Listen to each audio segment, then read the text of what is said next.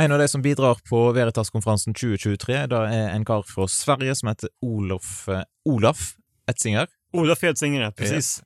Fantastisk. Velkommen i Veritas-studio her. Presenter deg sjøl kort for de som lytter. Eh, ja, nej men jag är teolog, författare, eh, har skrivit ett antal böcker och, och talar om, om en av dem här i år. Eh, men jag jobbar också som generalsekreterare för Svenska Evangeliska Alliansen, som är lite grann som norska Norme. Eh, med ett stänk av eh, tankesmedjan Skaperkraft så får du en, en bild av, av vad vi gör. Du skal ha seminar her om en bok som du har skrevet. Fortell litt om den boka og hva seminaret ditt handler om.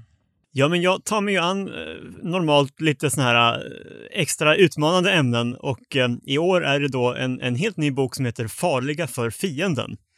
Eh, och den handlar om den andliga kampen, eh, vad som sker i den osynliga världen och vad Bibeln konkret säger om djävulen och de onda andarna och hur vi som kristna kan förhålla oss till den verkligheten. Da skal du ha seminar om, som etter hvert vil komme ut på podkasten til, eh, til Damaris Norge, sånn at folk kan få det med seg. Men hvem er det som bør eh, checka sjekke ut den boka? Er det noen som er spesielt aktuell målgruppe? Jag tror att vi är väldigt många som upplever att det står en kamp på flera nivåer i samfundet, alltså både om väldigt stora frågor som handlar om, om samfundets inriktning.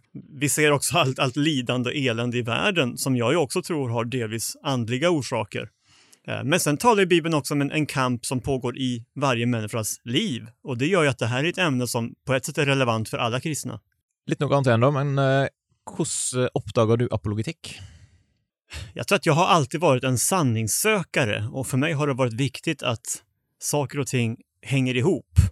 Eh, att det finns en logik eh, och jag upplever att eftersom Gud själv är sanningen, Jesus är sanningen, så, så, så är det någonting viktigt, någonting gott i att vara sanningssökare. Så, att, så är egentligen den vägen som apologetiken har, har kommit in i mitt liv. Kan vil du si den har betytt för dig då som personlig? Eh, ja, men det är ju framförallt upptäckten och glädjen i att se att det finns goda argument för de kristna anspråken. Eh, och jag har ju då jobbat särskilt mycket med de här svåra frågorna. Eh, spörsmål som många kanske bara försöker komma undan, men där jag mer går all in och, och, och, och- och ser vad, vad kan vi upptäcka om vi, vi kliver in i det här rummet. Jag skrev en bok tidigare om krigen i Gamla Testamentet till exempel, som är en typ av texter som många kristna undviker. Men min erfarenhet är att när vi vågar gå i närkamp med de här frågorna så, så finns det väldigt mycket viktigt att, vi, att upptäcka helt enkelt. Har du fått noe respons fra folk som har lest eh, sånn som den boka om krigene i Det gamle testamentet? Hva syns folk? Jo men absolut, det är ju många som har läst den och, och den har ju kommit i flera upplagor i Sverige och eh, är översatt både till norska och finska.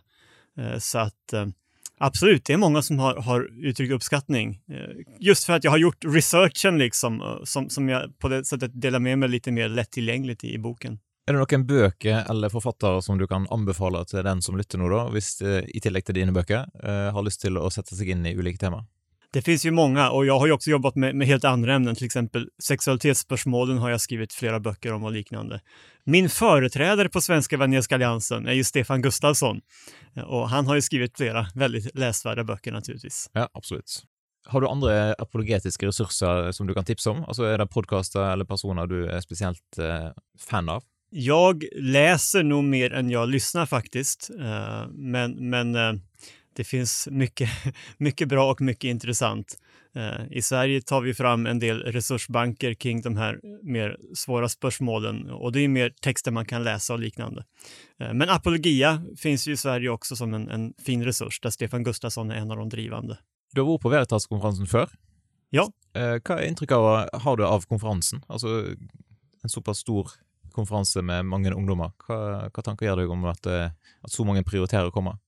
Jag tycker det är oerhört uppmuntrande eh, och jag skulle önska att vi kunde se någonting liknande i Sverige. Eh, Men, men det är ju unikt, fantastiskt att kunna samla så många människor, också i den här åldern, eh, kring de här spörsmålen. Så det, det är bara att säga gratulerar till Norge och, och, och känns som en stor inspirationskälla för, för också oss. Ja, Fins det noe lignende i Sverige? Vi jobbar med en del konferenser eh, och bland annat så har vi en, en svensk upplaga av det vi kallar för European Leadership Forum som, som är de med svensk inriktning eh, som har lite liknande profil, men det är ju för alla åldrar då. Eh, Och så finns ju laget och, och Apologia och liknande som, som gör lite olika konferenser och liknande, men, men inte i den här storleken. Du kan jo ta med deg en gjeng med svensker til neste år. Precis, det kan vara ett bra. Ja, men bra. Jeg ønsker lykke til med seminaret som du skal ha, og takk for at du tok turen her i studio. Og eh, hvor kan folk som lytter følge med på deg? Er du aktiv i sosiale medier eller nettsider? Jo, men jag är mycket aktiv i sociala medier, framförallt Facebook och, och Twitter och så, eller X nu då. Eh, Men jag har ju en hemsida som heter eh, olofedsinger.se och där finns ju mycket av mina texter och en del av min undervisning också. Yes. Så den må folk eh, og slett inn og sjekke ut. Gärna det.